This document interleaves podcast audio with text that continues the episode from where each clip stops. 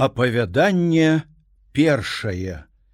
Пра чарнакніжніка і працмока, што вылупіўся з яйка, знесенага пеўнем. Не кожны чытач зразумее беларускую мову, дык гэтыя народныя апавяданні, якія пачуў я з вуснаў люду, вырашыў, наколькі змагу у даслоўным перакладзе напісаць па-польску. Падарожны гэты быў чалавек э, немаладых гадоў. Валасы меў сівые, любыў здаровы і моцны. Калі апавядаў пра сваё мінулае, здавалася, маладзеў. Крыху падумаўшы, пачаў так. Не казку пану раскажу а тое, што было ў сапраўднасці, што здарылася нават са мною. Горкім бывае часам нашее жыццё, але хто спадзяецца на Бога, Бог злітуецца і ўсё пераменіць на лепшае. Бяда таму, хто прагнучы багацця, прадае сваю душу пеклу. У маладосці маёй памятаю, мелі мы пана. Злы гэта быў пан. Страшно ўспомніць, што ён рабіў. Хлопцаў і дзяўчат жаніў і замуж выдаваў, не хочучы і ведаць ні пра іхнія сімпатыі, ні пра іх мінулае шчасце. Ні просьбы, ні слёзы не маглі яго ўлагодзіць. Вяршыў сваю волю, караючы людзей без усялякай літасці.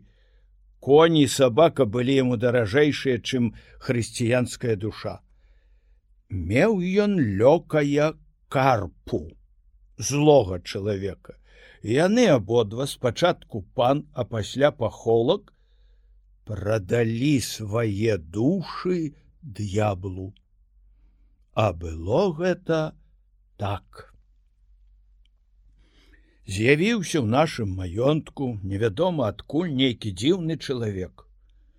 І цяпер яшчэ памятаю аблічча твары адзення яго, нізкі худы заўсёды бледны, вялізны нос, як дзюба драпежныя птушкі, густыя бровы, погляд яго як у чалавека ў роспачаці вар'ята, вопратка чорная нейкая дзіўная, зусім не такая, як у нас носяць паны ці ксяндзы.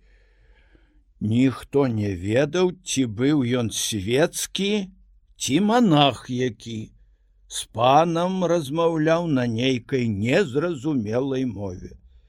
Пасля адкрылася, што гэта быў чарнакніжнік, які вучыў пана рабіць золата ды іншыя д'ябальскія штукі. І хоць у той час я быў зусім маладзён, аднак мусіў адбываць у маёнтку чаргу начнога вартаўніка, абыходзіць усе панскія будынкі і стукаць малатком у жалезную дошку.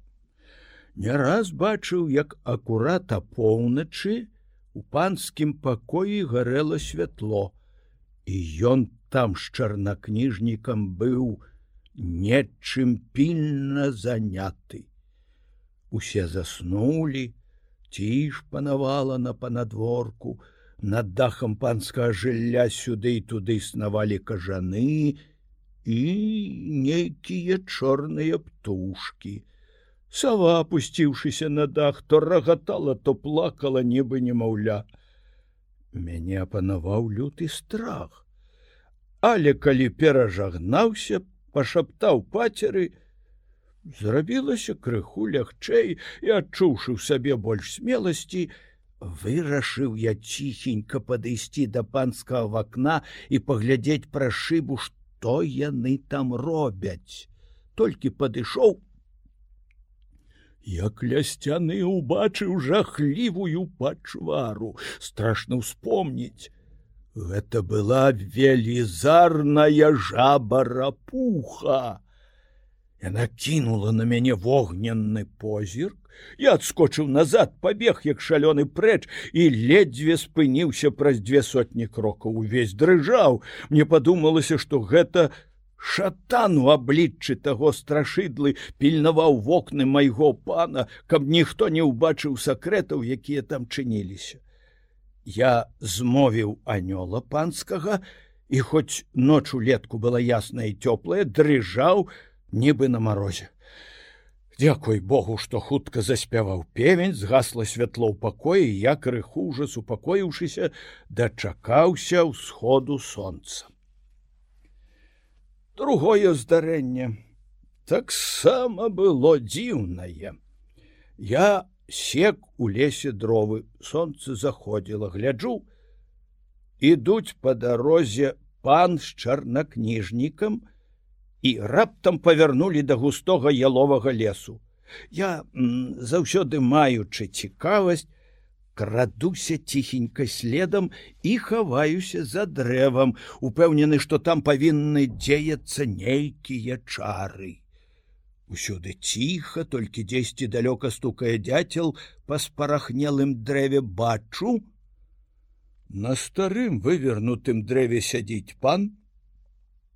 Каля яго стаіць чарнакніжнік і трымае за галаву, велізарную гадзюку, якая чорнай стужкаю абвіла яму правую руку, не ведаю, што было далей, бо я ад страху уцёк.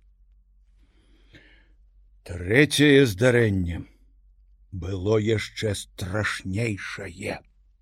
Хоць я яго і не бачыў, аднак чуў ад надзейных людзей, Ды да пра гэта гаварылі ва ўсіх навакольных вёсках.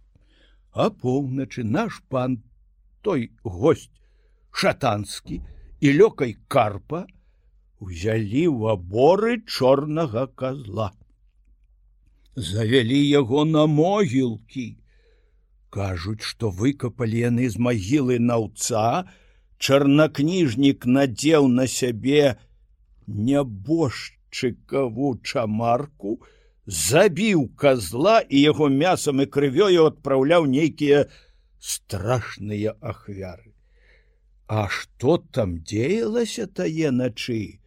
Нельга ўспомніць без страху. Казалі, што нейкія страшыдлы запоўнілі ўсё неба, нейкія звяры, падобныя да мядзведзяў, дзіковы ваўкоў бегалі вакол равучы так, што паны карпа ад страху знепрытомнілі, і попадалі на зямлю. Не ведаю, хто іх прывёў да прытомнасці, але пэўнае тое, што пасля тае страшныя ночы чарнакніжнік знік, і ніхто яго потым не бачыў. Пан увесь час маркоціўся, хоць меў шмат золата і ўсяго іншага ў дастатку, чаго толькі не захоча. Зрабіўся яшчэ больш люты ніхто яму дагадзіць не мог нават карпу выгнаў з маёнтка. Калі падарожны апавядаў гэта дык было чуваць як шапталіся слухачы.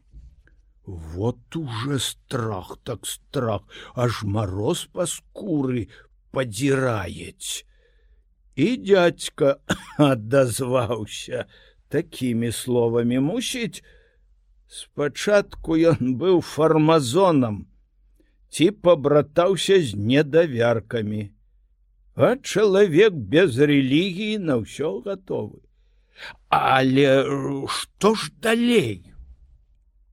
Падарожны апавядаў далей карпа выгнаны з маёнтка аддадзены быў работнікі аднаму заможнаму гаспадару Ды там ён болей замінаў, чым быў памочнікам, бо, жывучы з дзяцінству маёнтку, зрабіўся лайдаком упартым і неслухмяным.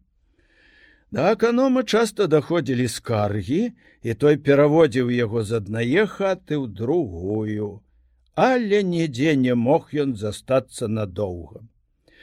Нарэшце карпа, попрасіў аканома заступіцца за яго перад панам, каб далі яму хату і колькі дзесяцін зямлі, бо калі ён сам зробіцца гаспадаром, дык будзе больш старанны. Пан згадзіўся. Пабудавалі карпу новую хату, адрэзалі лепшыя зямлі, далі пару коней, колькі кароў ды іншыя жывёлы на развод. Урэшце задумаў ён жаніцца. Але ніводная гаспадарская дачка не хацела ісці за яго, бо ніхто ні на яго, ні на ягоную гаспадарку не спадзяваўся, ведалі ўсе, што ў яго ні веры, ні Бога ў сэрцы няма. У той вёсцы, дзе жылі колісь мае бацькі, быў у нас сусед гарасім. Чалавек старанны, Всяго яму хапала, служыў добра пану, спраўна плаціў падаткі, меў ён адзіную дачку, агапку. Прыгожая была дзяўчына, свежая, румяна, як спелая ягада. Даўней, як прыбярэцца і прыйдзе на кірмаш жычкай у касе, у чырвонай шнуроўцы, свеціцца як цвет макавы. Все не могуць на яе наглядзецца, кожны любіў з ёй патанцаваць. І дудар для яе граў найахвотней. Эх, прызнаюся, і мне ў той час яна так прыпала да душы, што і сёння ўспамінаю яе, уздыхаючым. Падабалася яна і карпу і вырашыў ён дамагацца яе, але ведаючы, што не любіць яго дзяўчына, а бацькі не хочуць мець сабе такога зяця і сватоў прысланых ад яго не прынялі, Ён, каб было па-ягонаму, ідзе да пана, просіць, каб загадаў агапцы ісці замуж толькі за яго. Бацькі ж яе даведаўшыся пра гэта прасілі аканома і ўсю вола заступіцца. Бо гапка яшчэ занадта маладая і не здолее добра ўпраўляцца ў ягонай хаце. І гаспадарка ў яго ў вачавіткі развальваецца нічога добрага ад яе не прычакаеш. По просьбе аканома і вяскоўцаў пан адклаў вяселле на наступны год а карпу загадаў. Каб напрыканцы гэтага тэрміну паказаў што зрабіў карыснага і колькі зарабіў грошай. Кахаў і я агапку але каб пабрацца з ёю пра такое і думаць не мог.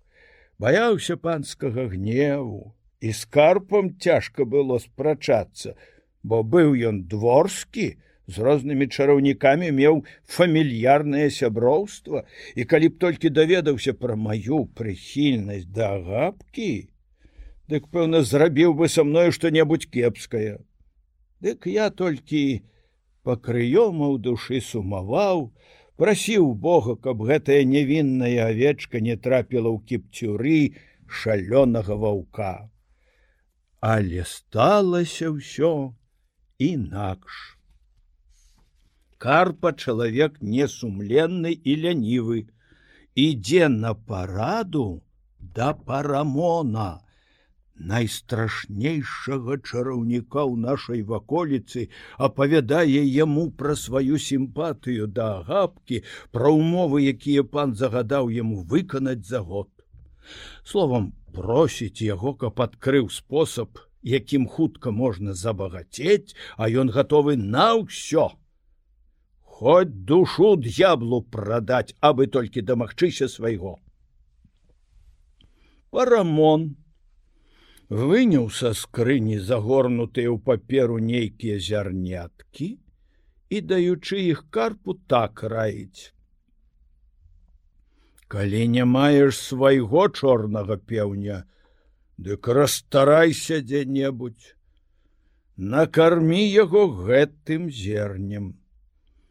І ён, праз колькі дзён, знясе яйка, не большее за галубінае. Этае яйка ты павінен насіць цэлы месяц пад леваю пахаю. Як пройдзе гэты час, вылупіцца з яго маленькая яшчарачка, якую ты будзеш насіць пры сабе. і кожны дзень карміць малаком са свае далоні. Расці яна будзе хутка, а па баках у яе вырастуць скураныя крылы.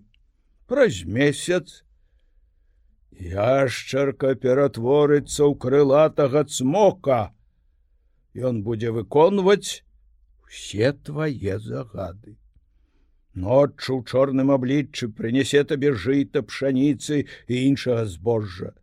А калі прыляціць палаючы агнём, Да гэта значыць, што будзе мець пры сабе золата і срэбра. Жыві з ім у дружбе, калі хочаш быць багаты, бо калі ўгнявіш, дык ён можа спаліць табе хату і ўсё тваё добро. Гэтую бязбожную параду карпа выканаў ахвотна. Выгадаваў жахлівага цмока, Але чары яго не засталіся тайнымі, бо гэтае страхоцце не раз пасля захаду сонца з'яўлялася на вачах вяскоўцаў, што вярталіся да хаты позняй парою. Аднойчы і я, калі пасвіў коней на начлезе, бачыў, як ляцела тое страшыдла, шумам рассыпаючы вакол сябе іскры, нібы распаленае жалеза под молатам каваля. І над дахам карпавыя хаціны распалася на дробныя частачкі і знікла. Неба ў той час было яснае, а ніводныя хмурынкі на ім і зоркі зіхацелі на нябесным скляпенні.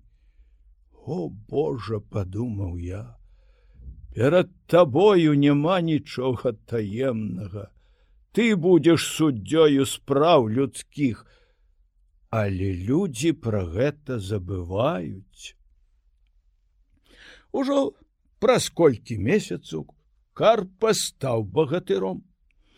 Калі прыйдзе на кірмаш або ў якое свята да арандара, дык у карчму заходзіць падпёршыся ў бокі, чырвоная шапка на бакір, галава задзёртая і здаецца, што ўсе для яго нішто жменею грошы шпураляе на стол, кажа падаваць тое, што толькі яму заманецца, частуе ўсіх і смела крычыць, што пан яму як брат родны, ні ў чым не адмовіць і ён усё зробіць, што яму толькі захочацца.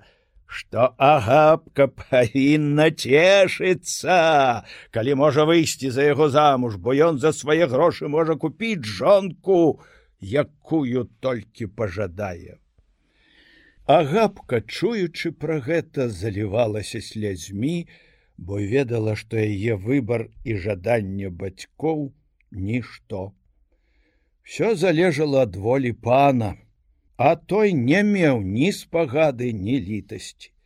Ведала яна добра і душу карпаву і звычки ягоныя часам чула гаворку суседзяў між сабою, што ён ужо пабратаўся з парамонам, што ўжо служыць яму шатан, які назапасіў для яго безліч грошай. Не цешыла тое золата маладую дзяўчыну, бо яна бачыла ў лятунках сваіх мужа стараннага цнатлівага ды набожнага.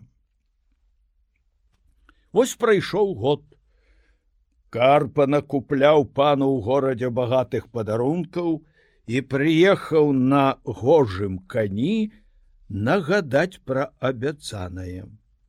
Паслалі па бацьку дзяўчыны, загадалі рыхтавацца да хуткага вяселля. Плакаў бедны гарасім са сваёй жонкаю над лёсам дзіцяці і маліўся, каб Бог быў ёй апекуном. Агапка ж хавала скруху свайго сэрца, каб не растрывожыць яшчэ больш бацькоў. Узяўшы ядвабныя стужкі, якія найбольш любіла і колькі кавалкаў кужалю, што сама ткала, пайшла да касцёла і, павесіўшы ўсё гэта на абраз прачыстай маці, пала ніт, заліваючыся слязьмі. І ўсе, хто быў там, таксама не маглі стрымаць слёз. Пасля набажэнства яна выцерла слёзы і вярнулася да бацькоў са спакойным абліччам, як быццам усцешаная. Спагада і любасць да гэтыя дзяўчыны перамаглі ува мне всякі страх. Іду да хаты, дзе жыў гарасім. Нечаканыя думкі і смелыя намеры выспяваюць у маёй галаве. Вырашыў ад тыранства і напасці схаваць яе дзе-небудзь у далёкай старане. Ідучы да вёскі, убачыла гапку. Самотная яна хадзіла па полі, плачучы, спявала жаласным голасам звычайную песню падзяку бацькам за іх клопаты. Набліжаюся да яе бяру за руку, а сам быў той час як непрытомны, хочучы палегчыць яе пакуты, так прапаную свае паслугі. Агапка ведаю я прычыну слёз тваіх ведаю пра пакуты бацькі і маці. Карпа бязбожны чалавек падкупіў пана несумленна пагарджаючы тваім выбарам і воляю тваіх бацькоў. Паслухай мае рады калі маеш хоць частку тае сімпатыі да мяне якую я маю да цябе і да тваіх бацькоў на зямлі ёсць высокія горы зарослыя густым лесам, цёмныя бары, што чарнеюцца каля нашых вёсак неабчажныя. У засень іх нетраў ніколі не зазірала чалавечае вока. Яны цягнуцца бясконца. Давай пойдзем прэч з гэтых краёў. Схаваемся ад усіх знаёмых у тых дзікіх пустэчах. Я буду тваім вартаўніком і правадніком свет вялікі знойдзем і мы дзе-небудзь свой куток ёсць і людзі з ласкавым сэрцам якія даюць прытулак злачынцам якія ўцяклі ад суда а мы ж не вінаватыя ні перад людскім ні перад Божым судом і дзе-небудзь працаю заслужым сабе кавалак хлеба Добры Бог дасць нам здароўе і сілы, падтрымае ў тых цёмных лясах сваёй апекаю. Калі я казаў гэта, слёзы зацьмілі мае вочы. Агапка, гледзячы на мяне, адказала так: « Я кахаю цябе, але не магу прыняць тваю раду, бо бацькі мае будуць пакутаваць за мяне. Няхай лепш я сама буду ахвяраю свайго няшчасця, каб толькі яны былі спакойныя. Сказаўшы гэта, яна шпарка пайшла дадому. Я доўга стаяў на тым месцы, не ведаючы, што рабіць у роспачы вярнуўся да свае хаты, як непрытомны зноў пабег у поле, блукаў па лясах, за ніякую работу не мог узяцца, ўсё занядбаў ад тугі ледь не памёр. Абвясцілі запаведзі. Прыйшла нядзеля, карпа загапкаю бярэш люб у касцёле. Ён вясёлы і выхвальны стаяў проста, валасы на галаве падстрыжаныя па-панску, на шыі ядвабная хустка, на нагах блішчастыя боты, вопратка з тонкага сукна, такая, якую пан часам апранае. Словом, калі б хто не ведаў, што карпа наш брат, за паўверсты яшчэ зняў бы шапку і пакланіўся. Яна наадварот смутная твар бледны змянілася вся нібы ў яе сухоты, бляск вачэй пагашаны слязьмі. І казалі, што свечкі ў маладых гарэлі так цьмяна, што сёй той са страхам паглядаў на гэта шэпчучы суседу: Не будзе тут шчасця, жыццё іх зацьміцца смуткам з касцёла карпа з дружынаю маладою жонкаю паехаў на паклон да пана, а з маёнтка да хаты агапчаных бацькоў. Вяселле было Бог ведае па якому. Карпа з дзяцінства быў дворскі. Звычаі нашы вясковыя яму ўжо здаваліся смешнымі і былі не даспадобы. Не пераязджаў ён на кані праз падпаленую салому, не прамаўлялі госці ніякіх арацый, не спявалі вясельных песень, не паклікалі нават дудара і моладзь не патанцавала. Вяселле ў гарасімавай хаце падобнае было да хаўтураў. І хутка маладая пара з гасцямі паехала адгэтуль да свае хаты, дзе ўжо карпа кожным учынкам хваліўся сваім дворскім глянцам ды багаццем і хацеў, каб яго ўсе хвалілі. Паклікаў дудара, кінуў яму нібы чыноўнік які колькі срэбранікаў і загадаў граць добра заплаціў таксама і кабетам каб спявалі з вымушанай ветлівасцю нібы паніч які прасіў хлопцаў і дзяўчат скакаць. Не было там шчырасці а вось ежы і пітва аж занадта Чаркі з гарэлкай амаль бесперапынна пераходзілі з руку руки, шум у хаце, музыка грае, моладзь скача, Ён апавядае пра сваю дворскую службу, пра прыхільнасць, якую заслужыў пана, Адна гапка як забітая, было шкада нават на яе глянуць. На падворку хоць і цёмна, але ціха, на чыстым небе поўнач, сітка змяніла сваё становішча госці захмялелыя ад моцных напояў весело бавяцца. Нечакана нібыта маланка асвяціла хату.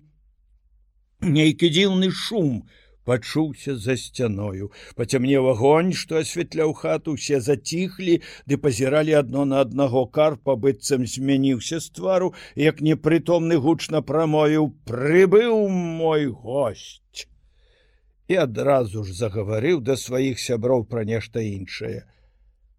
Але пасля гэтага здарэння дзіўная была перамена ў той хаце кожнага апанаваў нейкі неспакой.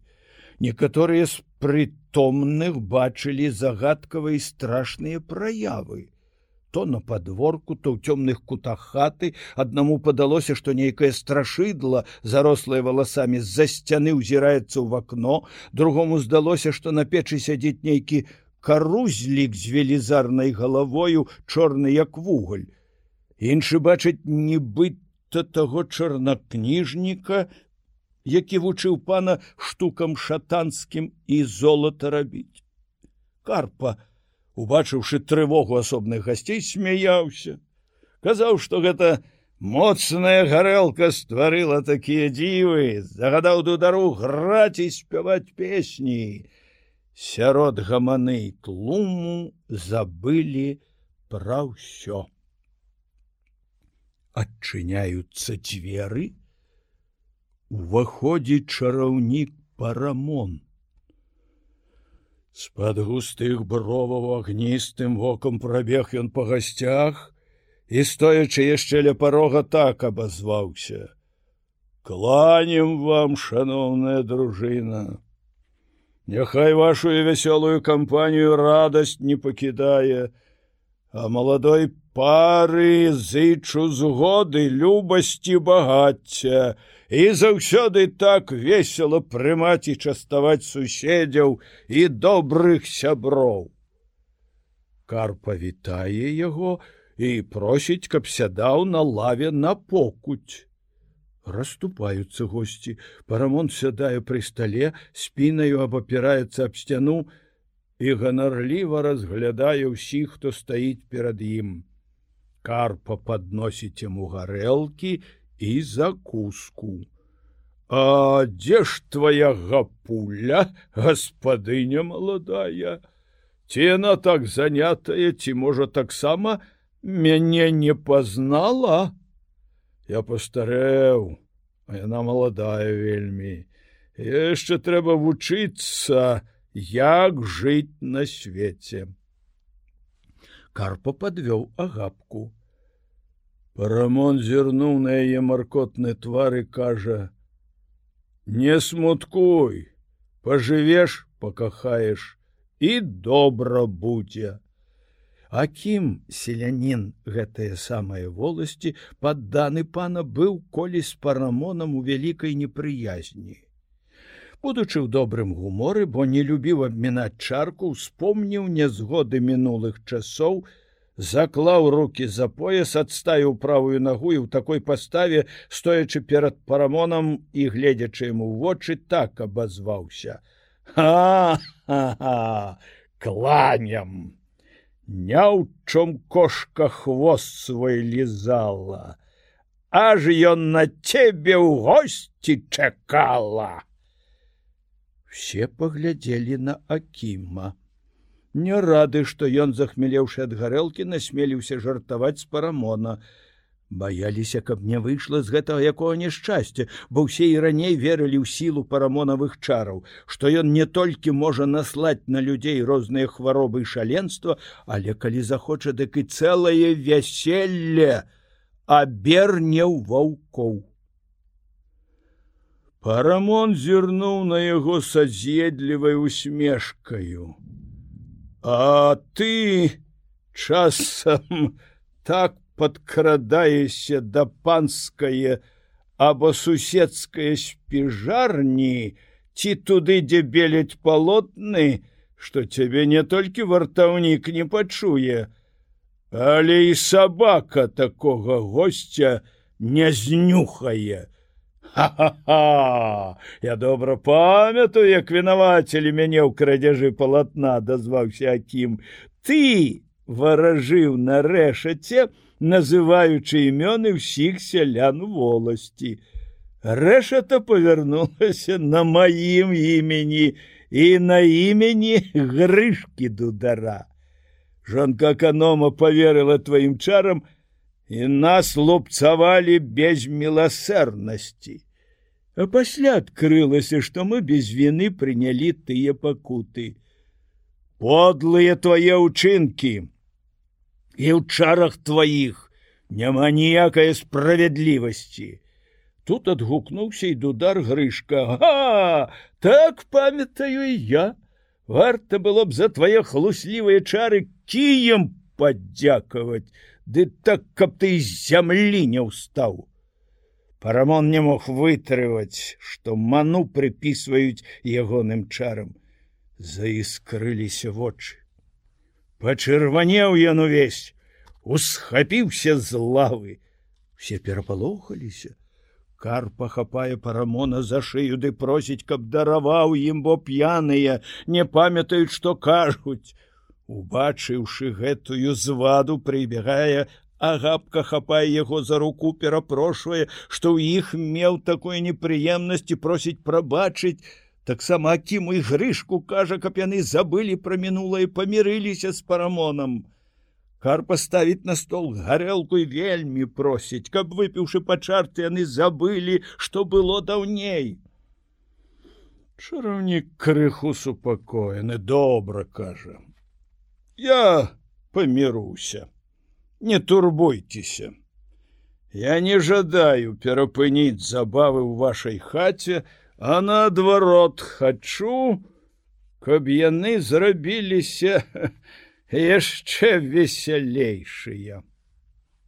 Няхай сабе грышка весела грае на дудзе, а кім скачам і з хітрай усмешкай дадаў: « Ну, ідзіце, запрашаюць нас гаспадары маладая гаспадыня выпіць адзін да аднаго пачарцы гарэлкі. Яшчэ пеўні не спявалі. Цяпер самы час павесяліцца. Карпа агапка і госці настойліва просяць акіма і грышку, каб селі пры стале з парамонам. Акім не адмовіўся ад гарэлкі. Дык і грышка па яго прыкладзе таксама. Яны выпілі з парамонавых рук па кілішку, а пасля яшчэ раз паўтарылі. Згода згода і мір паміж намі крычаць асобныя госці. Сталы гнуцца ад пачастункаў досыць і пітва і закускі давайте піць гулять зычыць маладым багацця здароўя і доўгіх гадоў заспявалі песні грышка надзімае свой скураны мех гучаць спевай музыка моладзь скача.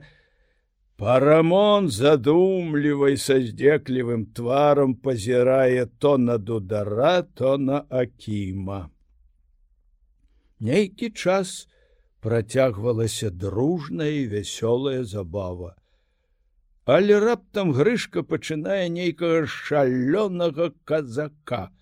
Госці крычаць просяць каб іграў цярэшку спяваюць цярэшкі беда стала з кім яго жена спала Ён не зважае на гэта нікога не слухае а ўсё грае ды грае сваё без усякага ладу тут такім выбягае на сярэдзіну і пачынае як шалёны скакаць невядома што дзівяцца ўсе гледзячы і не разумеючы, што з ім зрабілася.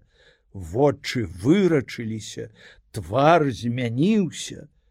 Просяць аднаго і другога, каб адзін пакінуў граць, а другі скакаць. Нічога не дапамагае, ніякіх просьбаў не чуюць, звар'яцелі абодва.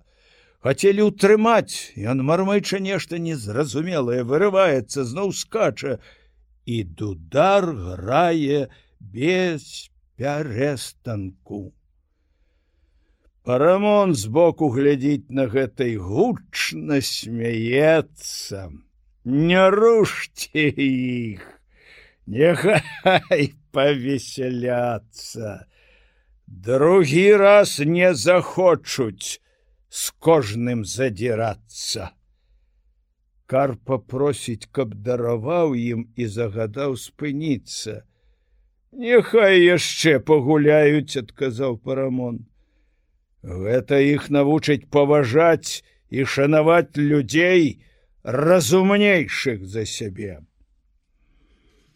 Доўга пакутавалі дудар якім ад гэтага шалу. Ужо і поўнач мінула, і другі раз певень праспяваў, Нарэшце грышку пакідаюць сілы, і ён выпускае з рук дуду і падае самлелы надол. Акім хістаецца, увесь учарнеў нібыта перад смерцю. Гэтак задаволіўшыся помстаю, парамон нешта пашаптаў, даў ім вады, і калі яны супакоіліся узяў шапку пакланіўся гаспадарам і пайшоў дадому. Это выпадак парушыў увесь лад. Гости адзін за адным дзякавалі гаспадарам за іх ветлівасць і пазычыўшы багаццей шчаслівых дзён выходзілі за дзверы. Тут пан завальня перапыніў кажуць што некалі даўней калі людзі больш дбалі пра славу божую такіх чараўнікоў палілі на агні або кідалі ў ваду. Чуеш янка што робяць людзі калі пабратаюцца з д'яблам на свеце трэба быць асцярожным. Чуў я за сваё жыццё пра вялікую колькасць такіх шкодных чараўнікоў як парамон. Можа дядзечка рабіў ён гэта з дапамогаю нейкіх зёлак? Можа дудару якіму падліў гарэлку блёкату ці іншае атрутнае травы ад якое чалавек шалее не зёлкі такое робяць а моц шатанская І шкада, што вучоныя людзі не надта ў гэта вераць.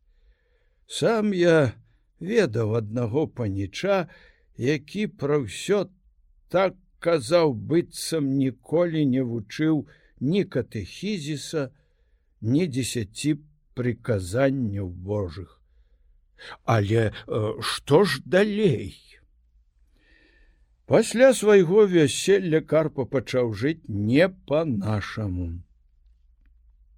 хутка пабудаваў другі дом з вялікімі вокнамі завёў сад дзе цвілі вішні яблыні і жыллё яго больш было падобнае да шляхецкай сядзібы чым да простыя хаты.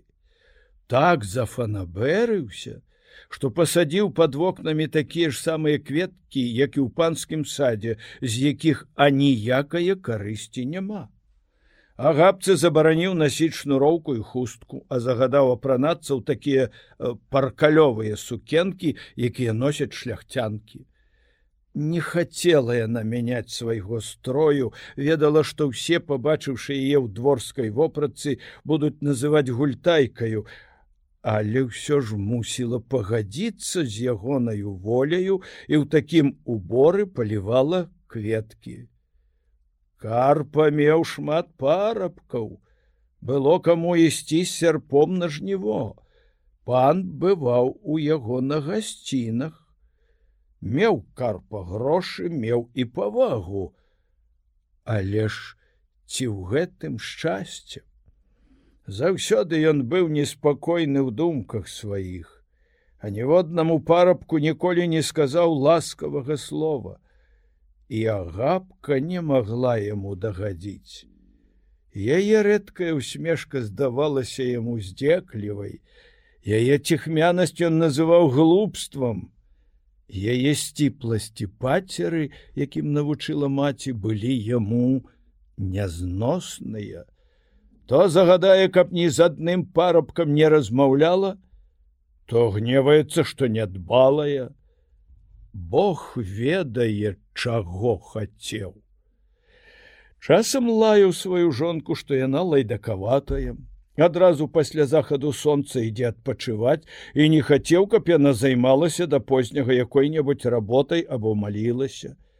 А поўначы часам уставаў з пасцелі і ля дзвярэй ці праз вакно размаўляў невядома з кім, выбягаў за дзверы і невядома дзе прападаў, аж пакуль певень не заспявае. Меў ён, прыяцеляў, якім даваў грошы, з якімі заліваў свой неспакой гарэлкаю. Бывало, што па некалькі дзён не бачылі яго дома. Аднойчы, калі чэлядь пасля дзённай працы ўжо адпачывала, агапка сядзела самотная ў пакоі чакала мужа, тут знянацку, нібыта маланка асвяціла сцены, пасля зноў зрабілася цёмна, На агапку нападае нейкая трывога, нібы баючыся чагосьці паглядае на ў цёмныя куткі, кот пырхаючы скочыў ад дзвярэй і натапырыўшыся застыў сярод хаты свецячы неспакойным вокам. І тут заходзіць малады мужчына, прыгожа апрануты, На руцэ шмат залатых пярсцёнкаў, падпяразаны шырокім чырвоным поясам. Агапка ўзіраецца ў незнаёмы твар, што здаваўся досыць прыемным, толькі погляд яго быў праніклівы, і першае ўражанне ад яго было страшнае. Кланнем маладой гаспадыні, кажа незнаёмец. Што ж ты сядзіш такая самотная, нібы сірата якая. Глядзіш мне ў вочы, незнаёмы табе, Але я цябе часта бачыў і добра ведаю, А дзе ж карпа мужик твой? Не ведаю. Трэці дзень як яго не бачу. Дзесьці ў знаёмых а можа паехаў у горад. Чула нешта такое казаў. Что яму рабіць у горадзе? Гуляе сабе а карыстацца шчасцем не ўмее. Золата і срэбра мае шмат а якая з яго карысць? Мог бы цуды тварыць мог бы збудаваць дом лепшы чым гэты. Такі пра які старыя павядаюць у казках што ўвесь свяціўся золатам і срэбрам ды чыстым золатам быў накрыты. Мог бы сад развесці як той дзе спелі залатыя і срэбныя яблыкі дзе спявалі райскія птушки под вакном раслі па яго кветкі ярчэйшыя, чым зоркі на небе. Вось гэты кот варкочучы, баяў бы яму старыя дзіўныя гісторыі. З'ехалася б шмат паноў паглядзець на тыя цуды. І ён бы жыў лепш за караля, ты маладая, прыстойная і разумнейшая за яго. Пачынай жа сама гаспадарыць, А я буду табе дапамагаць. І мы здзівім свет.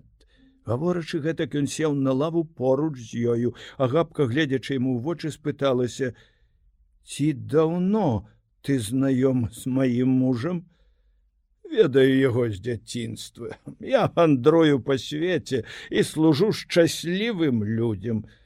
Ты шчаслівейшая за іншых, табе хачу шчыра служыць. Хто ж ты такі? І як тваё імя? Навошта табе ведаць маё імя? Я твой прыяцель. Згадзіся толькі на мае жаданні і мае паслугі, А пасля даведаешся пра ўсё і сыплючы золата на зямлю ды гледзячы на гапку дадаў: « Бачыш, што я магу? Я нехцівая, хачу толькі спакою душы. І няхай мяне апякае прачыстая маці сірацінская. Ледь вымавіла імя маці Божая, успыхнуў ён полымеў і знік у імгнення вока. Агапка з пранізлівым крыкам выбягае за дзверы і падае непрытомная але ад яе крыку прачынаюцца дамовыя людзі бягуць на дапамогу і знаходзяць яе ў сенцах яна ляжыць як нежывая. Ледзь смаглі вярнуць ёй дыханне. Бяссонная была тая ноч не спала габка але яе сядзелі дамовыя хвалюючыся за здароўе гаспадыні. Раніцою вярнуўся да хаты карпа. Калі яму расказалі пра гэтае здарэнне, змяніўся з твару і з неспакойнымі думкамі доўга паходжваў сюды туды. Нарэшце падышоў да жонкі і кажа: « Што ж ты нарабіла? Калі пасеяна, дык трэба і жаць, а інакш, людскі смех і няшчасце. Не сеяла я ты злых зярнят, адказвае на плачуч. Лепей памерці, чым карыстаць з таго жніва. Ён кінуўся да жонкі з кулакамі, але яна выскочыла за дзверы і схавалася, пакуль не прайшла ягоная злосць. Карпа зусім занядбаў гаспадарку і рэдка калі пасылаў на паншчыну сваіх парабкаў.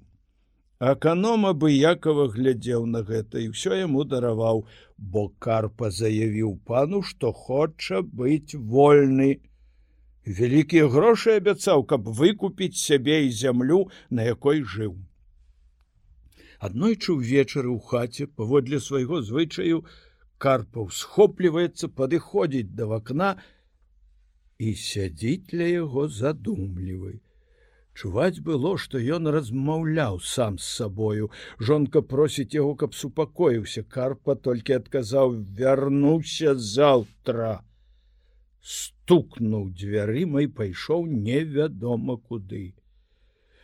Агапка паклікала да сябе кабету, бо баялася адна начаваць ледь толькі задрамала чуе што нехта дакрануўся да яе рукі гарачай далонню глянула і бачыць той мужчына што яе нядаўна напалохаў стаіць дзіўна апрануты пазірае на яе і вочы ягоныя гараць як дзве свечкі на галаве шапка і пояс якім ён падперазаўся чырвонныя як вуголле ці распаленае жалеза Габка здранцвела ад страху, ледь руку змагла падняць, каб перажагнацца. І ён у момант знік. Разбудзіла габка сваю таварышку і распавяла ёй пра гэты страшны прывід. размаўлялі нейкі час, а калі супакоіліся, зноў тая здань з'явілася перад імі і зноў знікла, як прамовілі Езус Марыя. Дык усталі з ложка і запаліўшы святло, маліліся, аж пакуль певень не заспяваў. Пасля гэтага здарэння пасылае агапка перад узыходам сонца да сваіх бацькоў кабету, каб паведаміла пра тыя здані і прасіла наведаць яе ды параіць, што ёй рабіць у такіх выпадках. Па ўсёй воласці разышлася пагалоска пра тое, што цмок колькі разоў палохаў агапку, прыходзячы да яе ў розных абліччах. Карпа ж даводзіў усім, што гэтыя весткі фальшывыя, што ягоная жонка звар'яцела. А можа, д'ябалы прыходзіць да яе за нейкія грахі. Гарасім са сваёю жонкаю, калі сонца ўжо хілілася да захаду і ў полі скончылі працу, пайшлі пераведаць сваю дачку. Агапка, як убачыла іх праз вакно, з вялікай радасцю выбегла насустрач, прывяла іх у хату і са слязьмі апавядала пра свае пакуты, аб пераменах у мужавым жыцці, аб з'яўленні ў чалавечым абліччы таго цмока, які яму служыць. Ну вось адказаў гарасім. Калі я яшчэ перад вяселлем казаў аканому і іншым дваровым людзям, што карпа выгадаваў сабе цмока, які носіць яму багацце. Дык смяяліся і кпілі з мяне казалі: грубы просты мужик пляцеш немаведама што. А калі гэта дайшло да пана, дык ён угневаны сказаў: слухай хамя, калі ты будзеш паўтараць гэтыя бредні, атрымаеш соцень пять розгаў, і палову галавы агалю як вар'яту. Што ж яны цяпер на гэта скажуць? Маці плачучы кажа ёй. Хутка збяром з поля, Тады пойдзем разам да прачыстая маці сірацінская, подгаворвай і яго, каб ішоў з намі і там паспавядаўся, Бог злітуецца. А вось гэта ў мяне свянцоныя зёлкі, і касцельнае кадзідла, якімі кожны вечар будзеш акурваць пакой і можа дасць Бог, што ўсё гэта супакоіцца. Так седзячы размаўлялі яны пра сёе тое, а карпы ў той час у хаце не было. Ужо і змрок, У пакоі пацямнела, ноч была цёплая, неба чыстае, паветра такое ціхае, што, здаецца, волос не паварушыцца на галаве. Пасля вячэры асобныя парабкі, бо надвор'е было цудоўнае, пайшлі начаваць у поле пры конях, іншыя ж у адрыну на свежае сена. У хаце толькі агапка не магла скончыць прыемныя размовы са сваімі бацькамі. Ціха было ўсюды, толькі раз-пораз падтрэскваў кнот свечкі, якая дагарала. Агапка раздзьмухала агонь і кінула на яркія вугольчыкі свянцоных зёлак. Адразу ж з-за сцяны данёсся як бы шум раптоўнага ветру і бляск прабег па хаце задрыжалі ўсе. Вось ён паведаміла ўстрывожаная гапка змоўклі і мовячы пацеры чакалі, што будзе далей. Ля печы стаялі гаршкі Адзін з іх подлетае ў гору, падае на подлогу і рассыпаецца на дробныя чарапкі. Збан з квасам, які стаяў на лаве, скоквае на стол, а са стола кідаецца на зямлю і разлятаецца на дробныя часткі. Кот перапалохаўся, заіскрыліся вочы, і ён пырхаючы схаваўся под лаваю. Рознае хатняе начынне пачало лятаць з кута ў кут. Гарасімова жонка зняла з сябе медны крыжык, колісь высвенчаны пры адпушчэнні грахоў у юхавічах у час юбілею. Няхай ён будзе тваім абаронцам, сказала яна і надзела на шыю дацэ. Калі набожная кабета вымавіла гэтыя словы, дробныя град каменьчыкі, вылятаючы з цёмных куткоў, адскоквалі ад сцен і камяні па некалькі фунтаў выляталі з-за печы, Аднак бацькі і дачка, заклікаючы на дапамогу прачыстую мацю, цэлымі выбеглі за дзверы. Сабралася ўся чэлядь, ды са страхам і здзіўленнем пазіралі на хату. З вокнаў і ад сцен ляцелі камяні рознай велічыні. Ніхто туды і наблізіцца не наважыўся. Усе, стоячы пазіралі на гэтую праяву і не ведалі, што рабіць.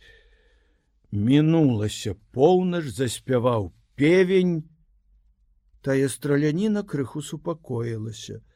Аднак ніхто не насмельваўся ўвайсці ў хату. Чэлядь чакала ўзыходу сонца под адкрытым небам, а габка пайшла з бацькамі да іхняга жытла. Калі сонца было ўжо высока, выгналі ў поле жывёлу, і парабкі адны з косамі, іншыя сохамі, выйшлі на працу. Прыязджае карпа, дом пусты. Сустрэў адну толькі кабету, якая прыйшла з поля, убачыўшы, што вяртаецца гаспадар, пытаецца ў яе: Што тут чыніцца, дзе жонка? Кабета апавядае яму, як усё было. Кар папера палохаўся, змяніўся з твару. Яно мяне загубіла! закрычаў ён і адразу пайшоў да чараўніка парамона. Вестка пра здарэнне ў той самы дзень разышлася па ўсёй ваколіцы. У панскім маёнтку адны поверылі, што ўсё гэта ад сілы шатанскае, іншыя ж смяяліся, кажучы, што тут просто нейкае свавольства. Гарасім паведаміў пра ўсё пробашчу, просячы каб ён гэтага ж дня прыехаў да карпавыя сядзібы і пасвянціў небяспечны дом, у якім так небяспечна завёўся шатан. Адвечоркам цікаўны люд папрыходзіў з усяе воласці, каб пабачыць тыя дзівы. Прыйшоў каном, а з ім шмат маладых зухаў з маёнтка, якія, не верачы ў моц шатанскую, спадзяваліся, што зловяць якога-небудзь свавольніка. Колькі з іх, не зважаючы ні на што, нават адчынілі дзверы і хацелі ўвайсці ў хату, але ледь сталі на парозе як усе з крыкам кінуліся назад бо камень выцяў аднаго з іх так што хлопец ледзьве апрытомніў люд пазіраючы на гэтыя дзівы стаяў здалёк ад дома камяні што раз гусцей сыпалі адтуль. Карпа ад роспачы змяніўся ўвесь. І быццам непрытомны праклінаючы жонку суседзяў і лёкаяў хацеў варвацца ў хату але яму не дазволілі. Парамон што стаяў побач шаптаў нешта але сваімі чарамі ўжо не мог дапамагчы. Пан апанаваны цікаўнасцю таксама прыехаў і не наважваючыся наблізіцца да хаты загадаў акружыць сядзібу. і і чакаў, які канец будзе гэтым жахам. А вось і ксёнц у капеланскім уборы прыехаў, учыніў ён святы абрат і калі са свянцонай вадою хацеў наблізіцца да сцен, увесь імгненна дом ахапіла полымя, і хутка будынак абваліўся. Здзіўлены люд, гледзячы на гэткую помсту злога духа, паціскаў плячыма. І кожны з тых, хто быў тут прытомны, з трывогаю пакідаў на месцы, дзе стаяў дом ужо толькі вуголля і дымныя галавешкі. Ксёнц вяртаўся дадому ўзрушаны, шкадуючы пра неразумнасць сваіх авечак калі адыходзіў парамон дык лаяў трасучы галавою нешчаслівага карпу добра дурню як паслаў так і выспаўся. Па ўсёй ваколіцы ў кожнай хаце ў панскім маёнтку доўгі час гаварылі пра гэтае здарэнне. Карпа невядома, дзе падзеўся пасля таго страшнага пажару, знік і ўжо больш не наведваў ні сваіх прыяцеляў, ні цесця, ні жонкі. Розныя пра яго думалі. Адны меркавалі, што ён залыгаўся са злодзеямі, якія пераганялі крадзеных коней з Беларусі да вялікіх лук ці пад пскоў. Дык пан паслаў жыда хаема, арандара на зведкі. Іншыя сяляне з воласці казалі, што сустракалі карпу у роспачы, і на іхні кліч ён як дзікі цякаў у лес. Прайшло колькі тыдняў, шукаючы качак, адзін паляўнічы з выжлам ішоў ля берага возерам. Дзень быў хмурны, хвалі біліся аб бераг, на пяску ля самай вады здалёку бачыў ён чараду груганоў, стрэліў. Груганы паляцелі і схаваліся ў пушчы. Падышоў бліжэй і бачыць выкінуты вадою труп, які хваля яшчэ пакрывала пенаю. Адразу ж ён паведаміў маёнтак далі знаць у суд. Цяжка было пазнаць чыё гэта цела, але вопратка і пярсцёнак на руцэ далі магчымасць апазнаць карпу. Так няшчасны скончыў сваё жыццё. Без малітваў і без ксяндза, там жа на беразе труп закапалі. Тут падарожны змоўк. Скажыш, просіць пан завальня, А што сталася за габкаю? Агапка колькі гадоў жыла пры бацьках. Ад смутку і спалоху ўвесь час хварэла. Пасля смерти бацькоў і яна згасла як свечка. Няхай пануе ў небе, сваім дабрачынным і цнатлівым жыцці была яна прыкладам усім кабетам нашай ваколіцы. Хоць было гэта даўно, аднак і цяпер там, дзе яна са слязьмі палівала кветкі, зелянеюць вішні яблынем, і краскі тыя кожную вясну найпрыгажэй цвітуць. Дзяўчаты ў святочныя дні плятуць з іх вянкі і аздабляюць абраз прачыстае маці. Чаму ж ты не ажаніўся з ёю, калі яна была ўжо ўдавою, спытаўся пан завальню. Ты ж яшчэ раней, кахаў яе, меў бы найлепшую жонку. А добрая жонка скарб найдаражэйш, бо дзе ў хаце кахання і згода там і дабраславенне Божае. Вось і я жыву сяк так дзякуючы Богу. А ўвесь гэты лад у гаспадарцы, зрабілі разам з маёю нябожчыцай. Пасля таго смутнага вяселля я прасіў пана, каб дазволіў мне пайсці ў чужую старонку, дзе лягчэй набыць грошы дзеля гаспадаркі ды на падаткі. А яшчэ меркаваў, што як буду далёка, хутчэй забуду на ўсё тое, што доўга стаяла ў мяне перад вачыма і наводзіла смутак. Я блукаў колькі гадоў па рассіі, ля Ноўгарада і старое русы і быў нават пад самым Петербургам.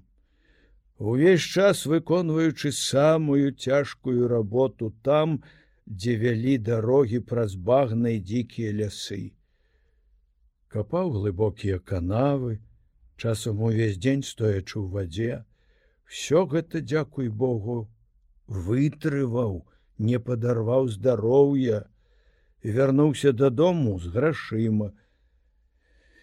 І ўжо тут мне расказалі пра тое страшнае здарэнне з карпам і пра смерць нешчаслівае агапкі. А ці жыве парамон? Памёр без споведзі і магіла яго ў полі без крыжа. А што янка? Ці падабаюцца табе нашы простыя апавяданні. Яны праўдзівыя і іх лягчэй зразумець, чым гісторыі пра даўніх паганскіх багіні багоў, пра якія ты мне апавядаў. Такую казку ніхто не запомніць, хіба толькі чалавек вучоны. Я люблю падобныя апавяданні, шмат у гэтай народнай фантазіі шчырыя праўдай. Калі пан завальня размаўляў са мною, дык мішчэлядзі чуваць былі такія словы. Вот добры так добры, всю ноч бы не спаў да слухаў.